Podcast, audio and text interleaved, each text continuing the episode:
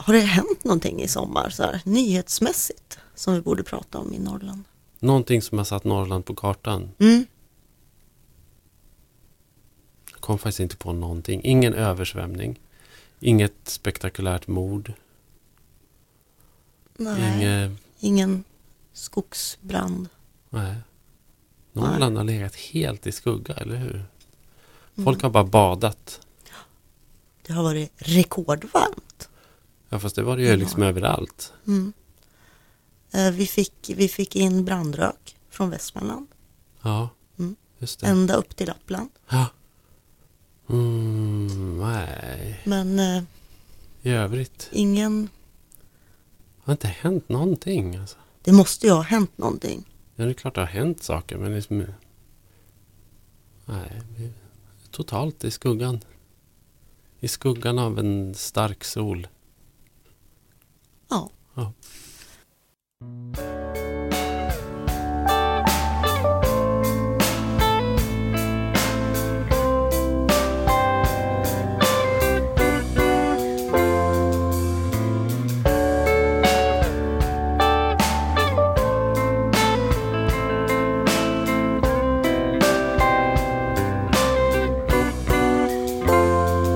Norrlandspodden presenteras av Mittmedia i samarbete med Jetpack. Äntligen skulle jag säga så eh, sitter jag i en eh, liten radiostudio med Po Tidholm och eh, vi ska prata om Norrland. Vi vet att eh, det här premiär höstavsnittet är ganska efterlängtat. Det, vi har fått väldigt mycket positiva reaktioner på tidigare avsnitt och det är också väldigt många som har frågat efter om det kommer en fortsättning, när det kommer en fortsättning. Det är helt chockerande faktiskt. Är du chockad? Ja, faktiskt lite. Jag trodde att det skulle bli en angelägenhet för, för några få inbitna norrlandianer eller någonting. Så är det ju inte. Nej, Nej. och det är faktiskt jag menar, också sån här äh, en person som har skrivit en massa på Twitter och som jag sen sprang på i Stockholm. Så här inbiten stockholmare, Bayerns supporter. Man kan inte föreställa sig att människan överhuvudtaget skulle engagera sig om någonting norr om Solna. Och bara älska våran podd. Och vad är, vad är, det, är det någon... Jag börjar tänka på så här, är det, är det som att vi lever upp till den här myten om autenticitet eller... Vad, vad, vad, Ja. Ehm, vi, har ju, vi har ju pratat om norrländska stereotyper ja. och varit, det har varit ganska negativt och eh, ehm, faktiskt så kollar jag runt som jag brukar och någon pratar om de här positiva stereotyperna. Att norrlänningar ändå känns pålitliga, att man hellre köper en bil av någon som pratar norrländska Mm. och att det är någonting jag, jag vet inte om jag kan hitta rätt ord, men att det är någonting hemtrevligt Mm. i att lyssna på oss. Ja, det kanske är så. Ja. Men, men, men sen är jag också fascinerad över våra lyssnare som är inbitna hardcore norrbottningar. Mm. Att Eh. de accepterar oss. Japp, att Mm. de accepterar oss. Fastän och, vi sitter här nere i Hawaii. Precis, Norrlands Hawaii. Ja, ja det, är lite intressant. det är nästan mer intressant, Ja. tycker jag. Ehm, Och det, det där, jag, jag tänkte på det också. Jag sommarpratade i somras. Ehm, och det var ju en, var en absurd grej. Det var ju liksom efter, efter att de hade presenterat sommarpratarna så visade det sig att jag var den enda från hela Norrland eh, som sommarpratade. För det var någon som gjorde en karta och placerade Mm. ut alla på, på, på kartan. Då, så att jag hamnade i en situation där jag skulle representera hela Norrland på något underligt sätt. ja. Och jag är inte riktigt säker på att jag skulle vilja bli rep- representerad av mig själv. Om jag, om jag var norrlänning, eller jag på att säga. Jag är ju norrlänning, men, men liksom, alltså, det, jag, jag, är, jag är förbryllad över det här.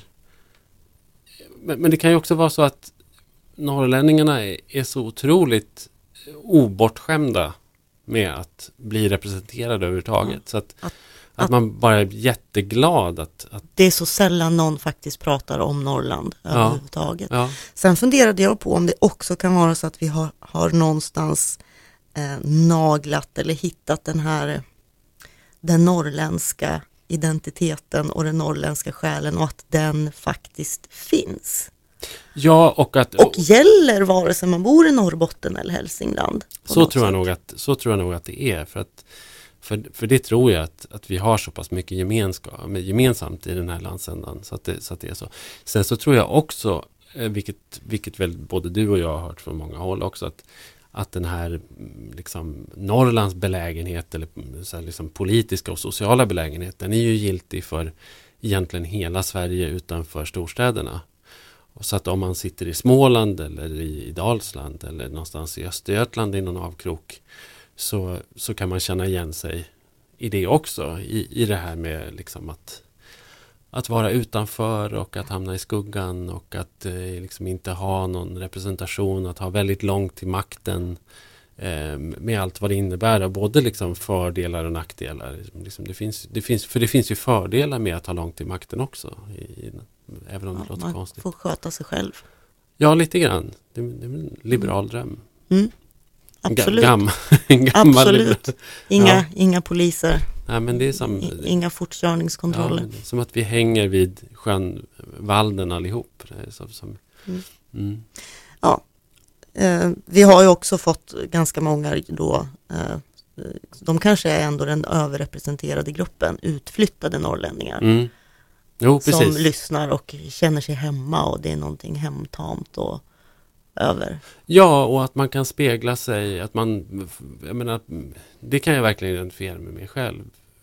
För jag, jag tror att jag tror att jag hittade min norrländska identitet under de åren jag inte bodde i Norrland. Under de här, vad det nu var, 12 åren som jag, som jag bodde i Stockholm. Mm. Och det var ju då jag började reflektera över vem jag var, var jag kom ifrån, vad som var vad. Sådär. Och, och jag hade nog varit jätteglad tror jag under de åren om jag hade haft någonting att bolla med eller någon, någon, någon, någon, liksom, någonting att studsa mot. Försöka förstå de här känslorna och Ja, precis. För- så att, för så att, ja, vi kanske är tacksamma på det sättet. Liksom, Mm. Att Mm. använda.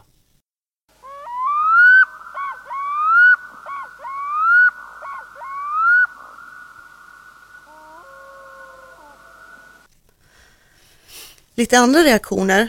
Ehm, För inte så länge sedan så skrev eh, Fredrik Westerlund en krönika i flera av Mittmedias tidningar Mm. eh, som handlar om den, det var utifrån eh, skogsbranden i Västmanland Mm. och han pratar om journalisters allmänt dåliga koll på geografi utanför Stockholm. Mm. Och jag ska läsa lite innantill här. Det är typiskt för intresset för någonting utanför Stockholm. Arjeplog och Arvidsjaur tycks svåra att hålla isär trots att de bara delar två inledande bokstäver. Skellefteå och Sollefteå må vara närmare varandra som ord, men desto längre ifrån varandra sett till geografi och karaktär. Mm. Aftonbladet illustrerade nyligen vädret i hela landet med en karta som bara visar Götaland och Svealand. Till och med i Mittmedias egen Norrlandspodden smög det sig in fel när Po Tidholm lät placera det historiskt viktiga Nasafjäll i Västerbotten. Eh, här har han till och med ett utropstecken. Herregud. Det ligger i landskapet Lappland, Norrbottens län. Mm. Po. Vill du förklara dig? Det finns en, det finns en, eh, nu låter ju, det skulle inte spela någon roll vad jag säger, det kommer ju låta som bortförklaringar i alla fall. Eh, det kommer sig av att jag har läst en massa historisk litteratur och det var så att när silverfyndigheten i Nasafjäll upptäcktes på 1830-talet, nej 1630-talet, det vill säga fruktansvärt länge sedan, så existerade inte eh, vare sig Norrbotten eller Lappland på det sättet som det gör idag. Utan då låg helt enkelt Nasafjäll i det som vi nu kallar för Västerbotten. Eh, Nej, Det vänta. som då hette Västerbotten Det som då- och det som idag är i Ja, Lappland. okej, ja ursäkta. Mm. Ja. Det, du, ja. Så Jo. det blir rörigt liksom. Mm, Eh, och då så slarvade jag och så slängde jag ur med det. Och, eh, jag, jag får helt enkelt, eh, får helt enkelt eh, skämmas och rulla mig i skuttet. Jag tycker heter. inte det. Jag, jag, jag skulle säga som han sen kommenterade för att vi tog upp det här till diskussion och uh, la faktiskt till en liten fotnot Mm. in, in till artikeln eh, och förklarade det här. Mm. Och han sa att det var ju kanske inte fel, men det var inte heller rätt. okej. Eh, Men eh, det, du, du, det finns ett annat fel här att bero på Arjeplog och Arvidsjaur och Skellefteå och Sollefteå. Eh, Övertorneå och Överkalix Mm. har du också blandat ihop. Ja. Ja, det är of, oförlåtligt. oförlåtligt. Jag ber alla lyssnare i, i, i dessa orter om, om ursäkt. Ja. Helt enkelt. Ja. Ja. Även solen har fläckar. Ja, jag tror jag är hyfsat duktig på, på, på norrländsk Ja, geografi. Men ja. det, är klart att det, det är klart att det blir fel. Och sen, särskilt om man sitter och plandrar på som vi gör i, en- i en sån här podd så kanske man liksom inte kollar upp allting i förväg. Man kanske till och med tänker rätt men ändå råkar säga fel. Ja, så kan det också vara. Absolut. Ja. Eh, det om det. Vi har, eh, jag har Men, vi, också... men jag vill Ja. bara säga att, att visst har han rätt. Och det är ju liksom verkligen Mm. alltså, det var ju också väldigt eh, komiskt när det här rökmolnet drev in över Stockholm och alla tyckte att det var wow, nu har det kommit ända hit. Liksom. Då hade det redan varit i Lappland. Ja, Som är mycket, mycket, mycket längre bort. ja, precis. Tittar man på kartan så är det ju, är det ju Mm. promenadavstånd mellan Stockholm och Branden Mm, jämfört med Lappland. mm. Mm. Så var det. Eh, Jag har också, eh, jag kanske också ska be om ursäkt. Eh, För att eh, vi skulle försöka reda ut då, eller jag försökte reda ut skillnaden på palt och kams. Mm. Eh, Och har fått ganska många invändningar. Mm. För jag påstod då att palt gör man utan kornmjöl på bara vetemjöl och att kams gör man på kornmjöl. Mhm. Och det var många som sa nej, nej, nej, man har kornmjöl i palt också, var det folk som sa. Och jag har googlat och jag har letat efter recept och jag har tittat på Wikipedia och det, jag kan berätta att det här med kams och palt är jättesnårigt. Du anar inte. Ehm, eh, det är till och med så att enligt Wikipedia så är kams och palt samma sak. Mhm. Eh, Det är bara olika benämningar på samma maträtt där palt är norra Norrland och kams är södra Norrland. Okej. Mm. Mm. Eh, både palt och kams kan tillagas med fyllning Mhm. som fläsk eller utan fyllning. Mm. Jag trodde ju då att det var så att man har fyllning i palt men inte i kams. Okej. Men det Mm. finns någonting som heter flatpalt som då inte har någon fyllning. Men är det alltid gjort på riven potatis? Eh, ja, men den kan vara rå, malen eller kokt kall potatis. Okej. Och det är lite olika. Men om den är gjord på kallkokt potatis då blir det ju i princip en krock, Ja, kroppkaka. fast det är väldigt lite i förhållande, alltså i relation till mjöl, mängden mjöl och vatten och sådär. Eh, Nu får Som- man ju liksom så här, nu när jag ställer de här motfrågorna Mm, till dig, då är det ju mm. nästan som att du kan hamna i, i klaveret igen här. Att du, nej, jag skulle säga att jag helgarderar mig. du har researchat jag, jag, skiten ur det här Ja, och, och, och så kan jag också helgardera mig med att, med att då faktiskt gå med på att palt och kams är samma sak med olika namn och att jag tror att till och med varje liten by har sitt eget recept och sitt eget sätt att servera Mm. det på. Eh, ju, ju närmare eh, norska gränsen man kommer desto vanligare är det att man äter då eh, äter den med messmör eller liknande som tillbehör. Ju längre norrut man kommer ju vanligare tror jag att det är att man har lingonsylt. Mm. Eh, annars är fläsket vanligt tillbehör. Men det kan se väldigt olika ut och vad man kallar det eh, beror helt på eh, vart man bor, vart man kommer Mm. ifrån. Sen är det ju så här att Palt, eh, den som kan sin Astrid Lindgren, Mm. vet ju att även Emil i Lönneberga åt ju Palt. Men var inte det... Han, han hällde ju paltsmet i, i, i sin kärfars ansikte. Det var ju blodpalt. Vilket ju är en helt annan sak egentligen. Ja, men den, den omnämns bara som palt. Jaha. Det blir palt till middag idag. Och det är exakt det de kallar det för. Är inte det paltbröd då? Uppblött paltbröd? Nej, det, det är tydligen skillnad på palt Ja. och paltbröd. Alltså, Nej, det, det, nej, jag tror att det är bäst vi slutar innan vi... ja, ja. Och så kan, och kan vi...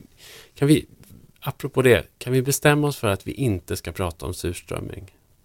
Nu sa du det ju, så att nu, nu har du redan brutit den bestämmelsen. Jag känner så lite så här, om, man, om man ska ha några klyschiga förväntningar på en Norrlandspodd så är det väl då att vi ska, och särskilt så här på hösten och sådär uppmärksamma surströmmingspremiären och prata om olika burkar av Röda Du vill inte prata om det för att du äter inte surströmming. Jo, jag älskar surströmming. Ja. Verkligen. Jag tycker jättemycket om surströmming.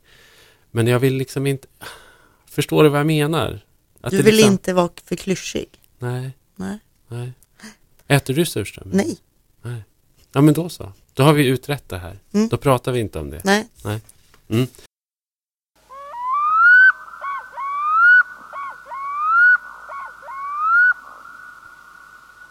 Hur var din sommar Jag annars? säger inte ordet. Min sommar har varit, jag har jobbat ganska mycket, Mm. haft ganska kort semester. Mm. Ehm, och den har jag försökt att tillbringa så mycket hemma vid som möjligt. Ehm, men du har ju flytt Norrland under din semester har jag förstått. Ja, men... Jag vet inte.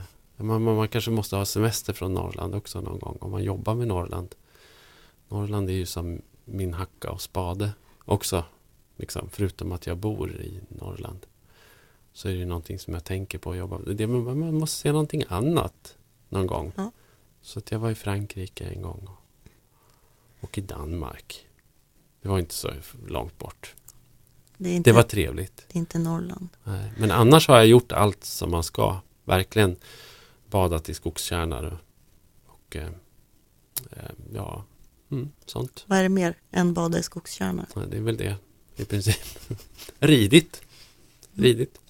Jag var, så, hästarna har haft en jobbig sommar. Det var så fruktansvärt varmt och så mycket broms och in, insekter. Och, Mygg. nej, myggen var väl nästan så att den brändes bort. Men bromsarna var desto värre. Mm. Fruktansvärt med broms. Jag har ju inte badat i skogskärnor för jag gillar inte att göra det. Nej, Jag tycker det är lite obehagligt. Jag har ju badat i havet på Mm. Norrlands Hawaii.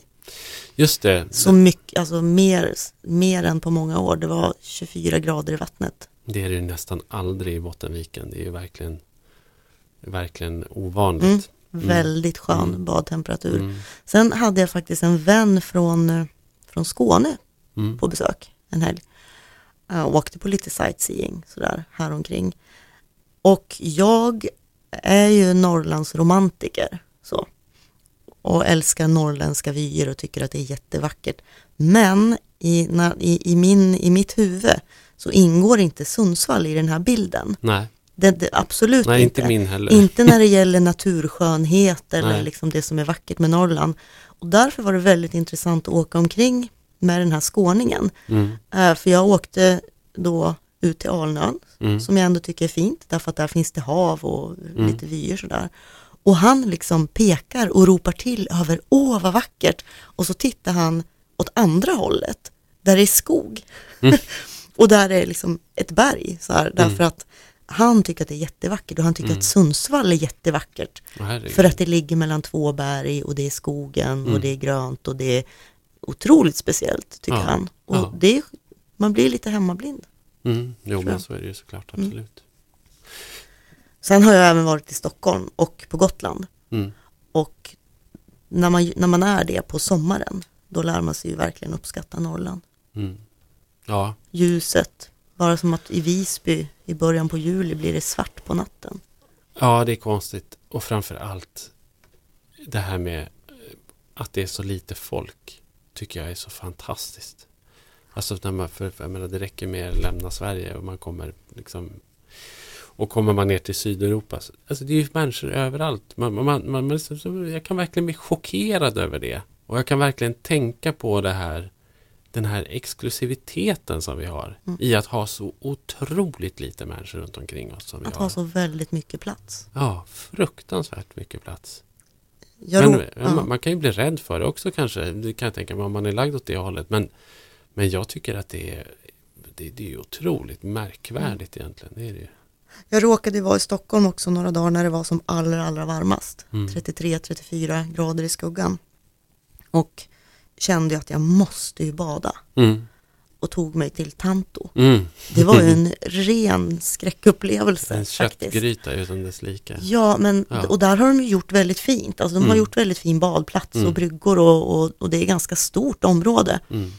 Eh, men det går ju inte att ta ett steg nästan utan att trampa på någon. Nej. Och trängseln i vattnet Mm. är ju så att, ja, man står bredvid en massa Mm. människor som står i vattnet. Mm. Det var min känsla då som, Mm. som Nu kom jag på en Mm. sak som har hänt i Norrland i sommar. Men i, i, sig- i skymundan. Jag hade gärna velat vara där och, och stå gömd bakom en björk eller någonting och titta. Men Kai Pollak håller på och spelar in sin nya långfilm. Ja. Uppföljaren till Så som i himmelen. Som jag tror ska heta Så och på jorden. åh, Eh, och som handlar om eh, någon som startar ett countryband. Eller någonting sånt. Det, det låter som en upprepning av Ja. och sen så finns det säkert ett eh, och så finns det säkert då ett motstånd eh, som, från, från någon sån här eh, Salieri-figur och ett geni och eh, man kan absolut föreställa sig och jag hade så gärna vilja eh, jag hade ju så gärna velat vara med och jag se det där det. men jag tror aldrig att jag skulle bli insläppt faktiskt. Eh, Jag är nog den sista personen som skulle bli insläppt på en inspelning av en Kai Pollak-film. Nej, förmodligen inte. Och det här pratade vi ju faktiskt om eh, i ett avsnitt. Mm. Eh, och eh, nämnde då en, en sågning som du skrev om så som i himmelen. Och det är ganska många som har frågat efter den. Finns den på nätet? Kan man Mm. läsa den? Det gör den inte. Nej, den gör inte det. Den finns däremot i, det är en bok som heter Norrland.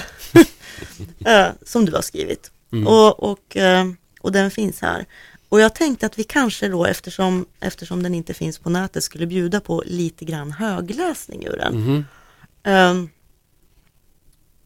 ja, den är ju fantastisk. Man skulle nästan vilja läsa hela, men den är lång. Ja, Det är det- lång. Hur många tecken är det? 10 000 tecken tror jag. Ja, det är mycket. Den, ja, Mm. Mm.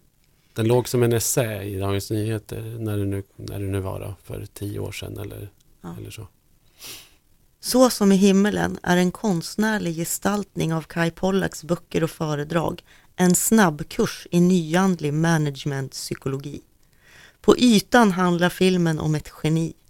Geniet föds i en norrländsk by, får stryk när han står och spelar fiol i ett sädesfält, mister tron på människorna och kärleken och förs därifrån i unga år av sin beskyddande mor. Han blir violinist och senare dirigent med en uttalad önskan om att skapa musik som kan få människor att öppna sig. Själv är han helt tydligt oförlöst men brinner för konsten. Just när han dirigerar forsar det ur honom. Snor, blod, tårar och svett. Just dessa kroppsvätskor är vanligt förekommande i Så som i himmelen. Uh, jag, jag gör ett hopp här. Uh, körrepetitionerna i Så som i himmelen följer nästan på varje punkt de övningar Pollack beskriver i sina böcker. Geniet måste lära sig förstå dessa människors gudomliga potential. Sen måste han lära dem att tro på honom. Först då kan han förlösa den talang de verkligen besitter. De får massera sina magar, ligga i en hög på golvet, stå i ring och brumma, hitta sin egen röst. Förlåt alltså. Jag tycker ju alltså att själva huvudpoängen med den här är ju att jag Alltså ja, dels, dels så kopplar jag ju filmen till hans eh, liksom, verksamhet som föreläsare. Eh, men sen, sen är det också så att jag tycker att det ger en bild av Norrland som är så hemsk. Och, och av norrlänningen som Alltså det här koloniala perspektivet som vi har pratat Mm, om. mm. Att, att, det liksom, att det ska till någon som kommer utifrån och förlöser norrlänningen som är mer autentisk. än- Du kanske har... Du har skrivit så här. Ja, Skildringen av byns befolkning tar avstamp i idén om Norrland som en råvarukälla. Precis som provinsens naturtillgångar är de infödda, råa, obearbetade, oförstörda och mogna att skörda. Norrlänningarna är lika obenägna att ta vara på sina naturtillgångar som på sina inneboende förmågor. Till detta krävs en utomstående, en ingenjör, en riskkapitalist, ett geni eller en självhjälpsterapeut. Och Kai Pollak erbjuder norrlänningarna detta geni. De reagerar som de enligt myten alltid gjort, med misstänksamhet och otacksamhet. En av dem skjuter mot honom med hagelgeväret och säger En sak ska du veta här i byn, sådana som du hör inte hemma här. mm, så är det. Mm.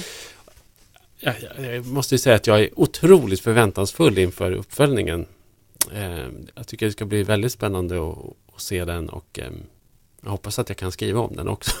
Jag, jag, jag måste bara få läsa ditt slutstycke här. Ja, okej. Ja. Ja. Så som i himmelen framstår i slutändan som en drygt två timmar lång reklamfilm för Pollaks bokutgivning och föreläsningsverksamhet. Hans nedlåtande skildring av körmedlemmarna som ett gäng ofullständiga människor i behov av förlösning blir särskilt obehaglig när huvudrollen därtill är ett lätt maskerat idolporträtt av Pollack. Ja. Får se hur han ska Jag ser lösa fram emot recensionerna av den här nya. Jag får se hur han ska lösa det för att jag, jag, inte, jag tror inte att det är ett man, en manlig huvudrollsinnehavare i den här uppföljaren utan att det är eh, vad heter hon, Frida Hallengren va? Ja, Hon som- precis. Ja, precis. Mm, hon det är som, hon som hon är. som Mm. spelade Jungfru Maria i, i den första filmen. Ja. ja. Ja. Jungfrufödsel och hela konkarongen. Och just det, hon måste ju ha ett tio år gammalt barn också kanske i den här, i den här filmen som kommer nu då. Som är, Som är, som är geniets barn. Mikael Nyqvists. Ja. Ett, ett, ett, det, är Kristus. Kristus Omen kanske, Damien. Ja, ja jag, jag ser fram emot eh, att premiärbiljetterna. Kan skicka dem, kan skicka dem hit.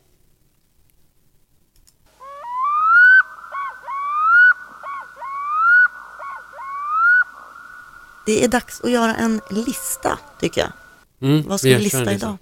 Jag tänkte på det här med, med norrländska varumärken. För det är ju ändå så, som vi har varit inne på ett antal gånger, att, att det finns ju någon slags eh, det finns ju någon, någon slags trovärdighet och någonting fint och, och genuint och autentiskt i, i, i det norrländska som man kan dra nytta av. Och det finns ju vissa företag också som, som liksom vinner på det någonstans. Så där, att, de är, att de förknippas med Norrland. Ja. Att vara dig själv för en stund. Ja, precis. Det, vi behöver inte ens nämna Vi behöver inte ens säga Vi behöver inte varumärket. ens säga varumärket. Det är ju kanske det mest kända. Mm. Och jag vet inte vad det om det, om det har någon som helst ekonomisk eller juridisk eller produktionsteknisk koppling till den här landsändan överhuvudtaget längre. Eller om det någonsin har haft det. Nej. Det vet jag faktiskt inte vad det där Nej, det är bara en, en det är. ölsort. Alltså Ja, av det- många andra. görs säkert inte någonstans här. Det, det, det kommer säkert någon, någon eh, lyssnare att påpeka. Men, Ah. men det är ju mera någon slags Mm. så här, um, emblem. Liksom. Jag var för det- apropå det så, så måste jag berätta att jag var på, jag på midsommardagen så skickades jag, jag, jag är ju också musikkritiker i DN, och då skickades jag till eh, Leksand där det var turnépremiär för, för eh, Ulf Lundell. Han skulle ut på sommar, sommarturné. Och det blåste storm. Och var fem grader varmt och regnade på midsommardagen. Helt fruktansvärt. Det var så fruktansvärt. Och då var det här ölmärket där och delade ut eh, stickade luvor. Så det var, så, det var en sån komisk syn. Typ så här 1500 personer som står och tittar på Ulf Lundell på midsommardagen i stickade luvor från det här öl, ölfabrikatet. Mm. Väldigt, väldigt komiskt. Men det, det, det är ett, eh, vad har vi, Eh, fjällbrynt tyckte jag var, var väldigt fint och hade en väldigt vacker bild på burkarna där med det här liksom, landskapet, fjälllandskapet. Det är ju dessutom en norrländsk produkt. Kan man Ja, väl ändå inte, säga. görs inte i, i Norrland längre tror jag. Nej, Det bröts ur och köptes av något bolag någon helt annanstans och jag tror knappt att produktionen, det kan hända att man gör det i Östersund. Man gjorde det där förut men jag tror mm. inte man gör det där längre. nu har inte jag siffror på detta men jag skulle ändå kunna sätta ganska mycket på att det ändå säljs mest, i Det Norrland. Eftersom det är norrlänningar som äter mest smör. Ja, det skulle jag nog också gissa på. Men Mm. det kan säkert någon korrigera oss på den punkten Ja, också. Ja, Vad har vi mera? Polarbröd är ju ett sånt där som, som, som drar nytta av Mm. eh, och som ju faktiskt är ett norrländskt företag och har sin produktion i, i, I norra, Norrland. Sverige, i norra Sverige också. Alltså, sen finns det ju ett företag som jag tror väldigt många förknippar med Norrland och som nästan är det- jag tänker på först. Eh, Men som i sin marknadsföring väl inte gör en jättegrej av det ändå. Det är ju Max.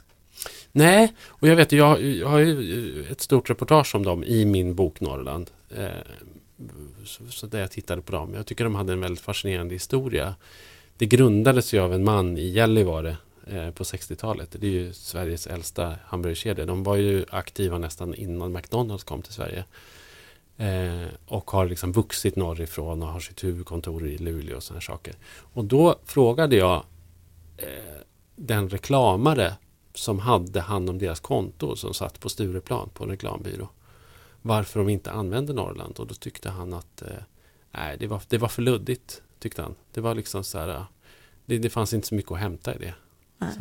Så att Kanske just att det är hamburgare. hamburgare och Jag Norrland, inte. jag vet inte hur man får ihop det riktigt. Eller, eller att de tänkte lite som vi tänkte när vi startade podden. Att Norrland kanske är avskräckande Mm. till och med. De har öppnat i Dubai också nu Max. Så att Oj, det kände jag inte till. Eh, fjällräven. Fjällräven, en gång i tiden ett väldigt stolt norrländskt företag. Kanske i någon mån norrländskt fortfarande. Tillverkningen sker ju i Kina. Eh, ja, och fabriken är omgjord till en outlet där man säljer saker som är tillverkade i Kina. Så att det, det, är väl liksom, ja. Hur, hur, är, hur är det med peak performance nu för tiden? Det är väl Åre från början? ja, Åre-företag. Precis, jag vet inte om de var skrivna i Åre någonsin men det var väl också sådär någon slags sådär, man hänvisade till att det här företaget har vuxit fram liksom av skidåkare för skidåkare Mm. i och, så, så blir det en del av en sån här storytelling. Jag har ju också ett reportage i min bok om, om ett företag som heter Denim Demon som startades av två samiska, samiska bröder. jeansen. Ja, Mm. precis. Samiska bröder i Stockholm som snackar stockholmska och ja, liksom knappt hade varit i Jämtland men som, men som eh, då började tillverka samiska jeans. Liksom, hur, hur nu jeans kan vara samiska. Men det, men, men eh, så att det, det, det, är liksom, det finns någonting att hämta men det måste liksom ske på, det måste ske på, på rätt sätt. Det är väl det som är. Sen har vi alla de här Alltså SCA, LKAB, Modo, Ja. vad heter de? Liksom Men det är ju sådär. inte varumärken Nej, egentligen på, inte. på så sätt. Nej. Nej. det är företag men det är ju inte varumärken. Nej, Um, Jock. Jock. Ja, Det- de kör ju hårt på det. Liksom Mm. med fjällbäckar och grejer. Mm. Men vad de håller hus vet jag inte. Jock Allt- betyder väl bäck Ja, ja, eller, ja, eller precis. vattendrag, Ja, någonting ja. sånt. En, liten, en liten fors tror jag. En liten, ja Ja. det är så. Mm. Jock. Eller om det är en liten forsnacke Jokkmokk. kanske till och med. Ja. Ja. Mm. Ja. Är, vi, är, det här en lista nu? Ehm, ja, blev det lite de, de, luddigt? som är, de som är då ändå av de här vi har räknat upp som man har en genuin förknippa med Norrland. Mm. Det måste ju ändå vara kanske Polarbröd, bröd, Fjällbrynt, Norrlands guld. Fjällräven Mm. och Jock. Ja, Det är fem stycken. ja, vi kör på det.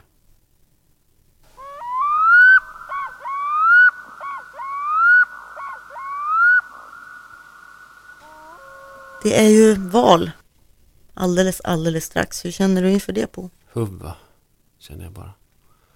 Huffa? Ja. Jag vet det, jag känner mig så otroligt politiskt deprimerad. Och särskilt när jag tänker på liksom, vår landsända och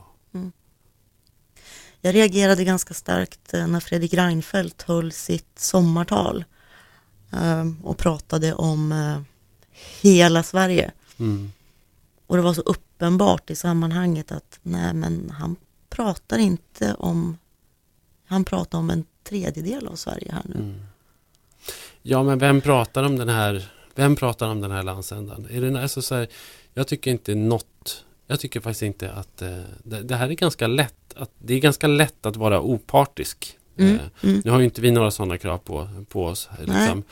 Men, men eh, om vi nu skulle ha sådana krav på oss så är det ganska lätt att vara opartisk i den här frågan därför att alla partier suger ungefär lika hårt tycker jag. I, När det gäller Norrland. när det gäller Norrland och, och, och liksom den politik som behöver föras för att, för att den här landsändan ska, ska liksom komma på fötter och leva och, och eh, liksom mm, funka framöver så kan inte jag se att någon, något parti ens anstränger sig för att eh, liksom komma med någon lösning på, på, på det. Nej, jag har funderat lite på, på om man skulle bestämma sig för att rösta, eh, rösta för Norrland. Alltså nu ska jag lägga min, min röst på Mm. det parti som Mm. oavsett ideologi i övrigt faktiskt är beredd att satsa på Norrland.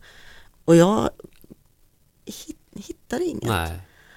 och så tänker man, alltså det är kanske en sån här, eh, förr kanske det hade varit Centerpartiet, så här. men när brydde sig Centerpartiet om Norrland? På Feldins tid eller? Ja, det var nog kanske ungefär då. Och jag menar då, på den tiden så brydde sig ju andra partier också om Norrland och om landsbygden i övrigt. Då fanns det ju liksom en regionalpolitik och man hade kanske ett, mm, faktiskt till och med ett departement och en minister mm. som arbetade med sådana här frågor aktivt. Eh, men men det, det var ju väldigt, väldigt länge sedan. Nu har man ju inte, man har ju en, liksom alla partier har ju i någon mån en centralistisk politik. Eh, och i den mån man inte har en centralistisk politik, därför det är ändå, om man ska vara helt ärlig då, så kan man säga så att nej, Centerpartiet kanske inte har en centralistisk politik, men de har en marknadsliberal politik som inte funkar Eh, på landsbygden därför att det inte finns en fungerande på en, det finns ingen fungerande marknad på landsbygden och därför så funkar heller inte marknadsliberala lösningar.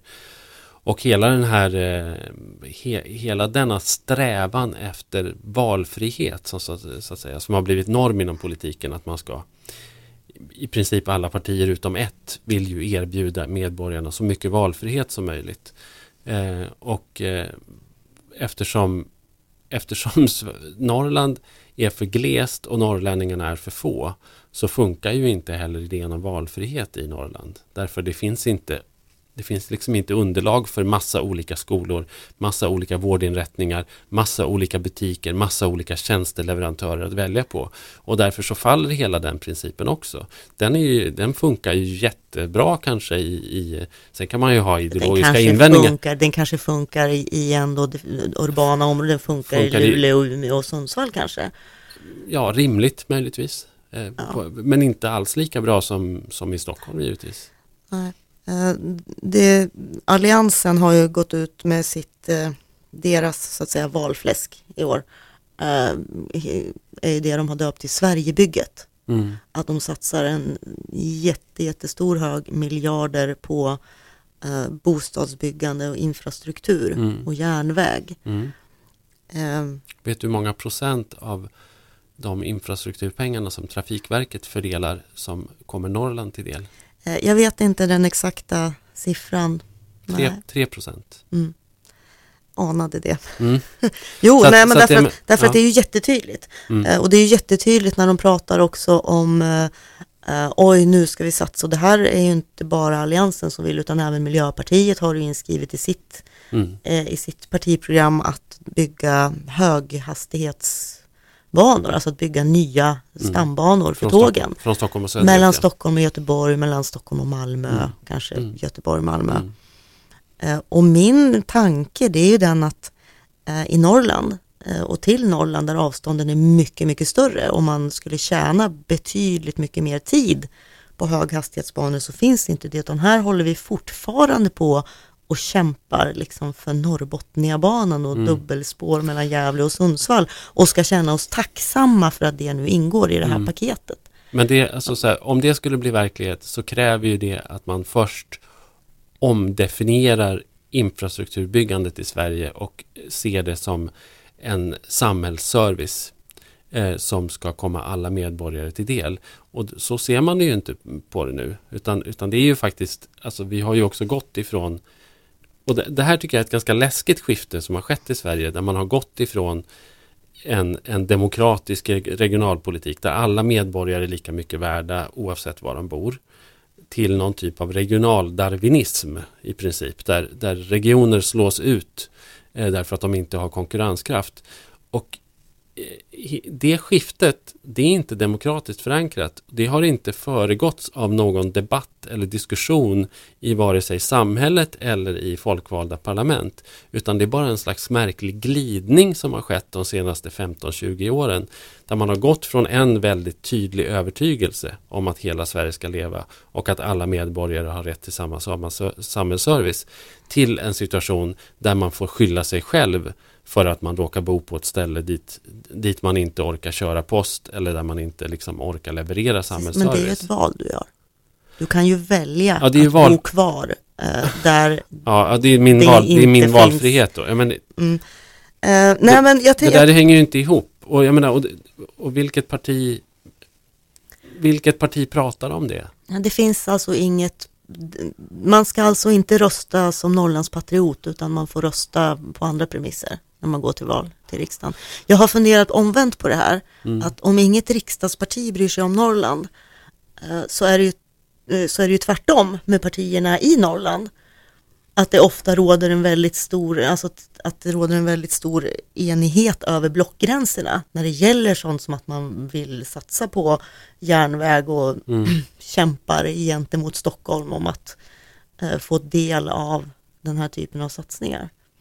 Jo, precis så Och är då, det ju. och då spelar det ingen roll. Men de är ju så svaga. Mm. De är ju så otroligt svaga. Jag menar, eh, jag läste någon bok om socialdemokratin och då var det alltså fram till ganska nyligen, alltså fram till för kanske så tre kongresser sedan, så, så fanns det liksom någon slags sammanslutning som kallades för skogslänen och som var en oerhört mäktig spelare på kongresserna som liksom kunde komma dit, tala med en röst och de var så många och de var så starka och de eh, pratade för så starka intressen så att de kunde faktiskt vända en kongress. Eh, men nu är den där grupperingen inom socialdemokratin så pass försvagad. Och det tror jag är inom alla partier. Det, det visade sig också när Centern hade stämma så eh, ville ju då norrländska centerpartister försökte driva igenom det här då till, återigen då med, med, med återbäring på vattenkraft och eh, de ville ha starkare vetorätt mot mineralbrytning och sådana saker. Men det, det, det, där blev de ju överkörda då av Stockholmscentern. Liksom. Så att, Jo, sen, sen blir det här en ond cirkel också Mm. eftersom förutsättningarna blir sämre att bo i Norrland, befolkningen minskar, eh, särskilt i inlandet, samtidigt som befolkningen ökar i södra, södra delarna av Sverige, ja. Sverige, vilket ju också gör att för varje val så blir ju Norrlandsrepresentationen i riksdagen sämre och min, sämre. sämre Jajamän. och sämre. Ja. Eh, till slut har vi knappt några röster kvar där. Nej, och vi har ju just eh, liksom, vi går ju ur en mandatperiod nu eh, som är den första någonsin tror jag i, i modern tid där Norrland inte har haft eh, representation av en minister. Alltså det har inte funnits en minister i alliansregeringen som har representerat någon norrländsk valkrets. Eh, och, och, jag menar, och det, det är faktiskt första gången. Så att man får hoppas att, att, att det ändras oavsett liksom, då, liksom, hur, hur den nya regeringen ser ut politiskt. Så kan man Får vi en ny statsminister så är vi ju garanterad en norrlänning i regeringen. Ja, precis. Alltså, det, har ju funnits, alltså, det har ju funnits eh, norrlänningar eh, men de har inte representerat eh, någon norrländsk valkrets. Det, det är väl kanske också en skillnad då. Löfven är ju inte bara norrlänning. Han, han hejar även på GIF Sundsvall. Oh, jaså, Ja. det var det värsta. Mhm. Mm. Fast han är ju tråkig. Men Ja. Nej, jag, har, jag kan vara lite förvånad eh, över eh, Sjöstedt också. Att det känns som att man kunde vänta sig ett större Norrlands engagemang från hans sida. det verkar som att det går lite upp och ner för honom. Att det liksom är så här i perioder så, så kan han visa ett, ett Norrlandsengagemang. Men, men om han är i Norrland och talar. Ja, eller om han pratar med mig så kan han verka väldigt engagerad. Men sen så är det som att det försvinner, försvinner bort sådär. Nej, jag tycker inte att... Eh, alltså, jag har, jag har nog ganska... Jag har lika starka invändningar mot, mot alla partier när, när det gäller liksom bristerna i, i regionalpolitik och Norrlandspolitik och sådär. Fast de ser ju väldigt olika ut. Alltså det är ju väldigt, alltså när det gäller de allianspartierna, man tar till exempel KD, Moderaterna och Folkpartiet på ett bräde, så kan man säga att för dem existerar överhuvudtaget inte frågan. Alltså Nej. inte Norrlandsfrågan, inte landsbygdsfrågan överhuvudtaget. Den, den, den bara existerar inte. Det finns överhuvudtaget inget som helst intresse. För Centerpartiet så finns det ett intresse fast det är väldigt, väldigt ideologiskt grumligt och förvirrat och ja, jättekonstigt. Centerpartiet är ju ett förvirrat parti för tillfället Ja. också, mer än någonsin. Så att, Ja. Så att vi, kan- vi behöver inte hacka på dem mer Nej, för, att, nej. för att eh, det går inte så bra för dem. Och när det gäller Socialdemokraterna och Vänsterpartiet så eh, skulle jag säga att de sitter ju fast i väldigt centralistiska. Sen har, sen har de ju det här roliga bland sina för- liksom, eh, företrädare att, att, att det är också den här som är vad ska man säga, arbetarrörelsens inneboende konflikt. Att man kan vara så här brinnande antikapitalist och väldigt skeptisk mot företag Ända fram till det ögonblicket där de säger men vi erbjuder 163 nya arbetstillfällen i, i, i din kommun. Och då är det så här, då är alla invändningar borta. Ja. Så att man, Men då pratar du kommunpolitiker. Ja men även Mm. riksföreträdare tycker jag liksom sitter fast i det där lite grann. Att det, det är liksom så här, man kan, man kan ha en systemkritik men i samma ögonblick som det nämns arbetstillfällen så försvinner all kritik. Ja. Liksom. Och sen så är det den här grundläggande s- idén om, om, om centralisering som finns i arbetarrörelsen som, som inte gynnar landsbygden. Men Po, om vi ska Ja. försöka avrunda här så, så tänker jag så här. Vad är ditt bästa respektive sämsta scenario efter valet ur ett Norrlandsperspektiv? Wow. Okej, jag kan försöka svara på det om du också svarar på det. Huh. Ja, du börjar. Eh, du, kära någon. Sämsta scenario.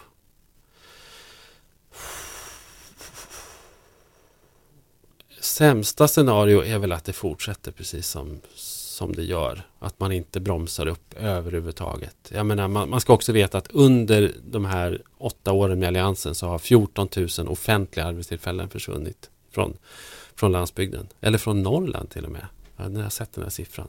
Jo, 14 000 arbetstillfällen. Alltså myndighetsarbete. Samtidigt som, som arbetstillfällena i landet ökar. Samtidigt som faktiskt offentliga arbetstillfällen har ökat. Alltså, nu pratar vi då myndighetsrepresentation och liksom sådana saker. Eh, så att, och, och det måste man ju bromsa upp. Jag menar utlokalisering av myndigheter till exempel är en alldeles utmärkt idé. Det tycker jag man ska fortsätta med. Det vitaliserar ju orter och, och, det, är liksom, och det är jättebra till exempel också därför att man får ut högutbildade på, på landet. Eller det, eller, det finns, eller det finns en anledning för människor på en ort att, att utbilda sig vidare därför att det finns arbetsplatser där man kan få, som man kan stanna kvar och, och arbeta med det som man har utbildat sig till. Det är, så det är superviktigt. Det måste man liksom ta itu med. Eh, det bästa scenariot, ja vad kan det vara då? Nej, jag är för pessimistisk. Jag kan inte se något bästa scenario. Jag kan inte föreställa mig riktigt vad det skulle... Nej, visst är det svårt, visst är det svårt att tänka sig någonting. Det är svårt att se den här, det här Norrlandslyftet Ja, hur det ska se Ja. ut. och vem som skulle genomföra det. Jag har ju en sån här idé. Min, min enda konkreta, alltså jag har ju åkt runt och föreläst jättemycket. Och det finns ju två saker som folk säger till mig efter föreläsningarna. Det första är så här, ska, ska du inte starta ett parti och bli partiledare för ett Norrlandsparti? Och då säger jag nej, Det absolut. finns väl redan? Det finns det redan. Jag, vill, absolut. Jag, jag tror inte på det. Jag tror inte på enfrågepartier överhuvudtaget. Jag tycker liksom, man ska tänka på hela samhället. Och där ska Norrland ingå. Eh, och sen eh, så frågar jag alltid liksom, så, ja, men har du något konkret? Vad, vad, vad skulle vi kunna göra? Finns det någon lösning? Och sånt där? Alltså det, jag tycker att man ska vara väldigt, väldigt hård på alla aktörer att vi ska bygga ut eh, alltså, mobiltelefoni och, och bredband till alla Mm. i varenda jävla litet Ja, porte Det är en i, lika i viktig hela. fråga som järnvägen lyfter jag fram. Mm. Ja, och när det finns så kan man då måste man inrätta ett departement som skulle heta eh, distansarbetesdepartementet. och, eh, och då så skulle man först kartlägga hela arbetsmarknaden och så skulle man titta på vilka arbeten går att utföra från en annan plats än ett kontor i Stockholms innerstad. Eh, eller från ett kontor i Sollentuna eller i, i, i liksom, eh, Lund eller någonting. Och så skulle man eh, börja arbeta med att flytta ut de jobben. Ut på landet. Eh, är, Väldigt bra idé, därför att det, det där med bredband som du säger, det är ju, det är ju pratas lite för lite Alldeles det för lite. också faktiskt. Eh, för, för det har ju också använts som ett argument och jag Mm. vet också många som har haft sådana planer och, och flytta Ja. ut på landet, flytta till inte. Norrland, eh, jag kan sköta min egen eh, konsultfirma Mm. lika bra därifrån som härifrån. Funkar Men som du inte. säger, det går inte. funkar inte. För att det är så väldigt mycket mobilskugga. liksom, Ja, och i- det i- funkar. Och, och, och jag menar och- nu till exempel alla betallösningar.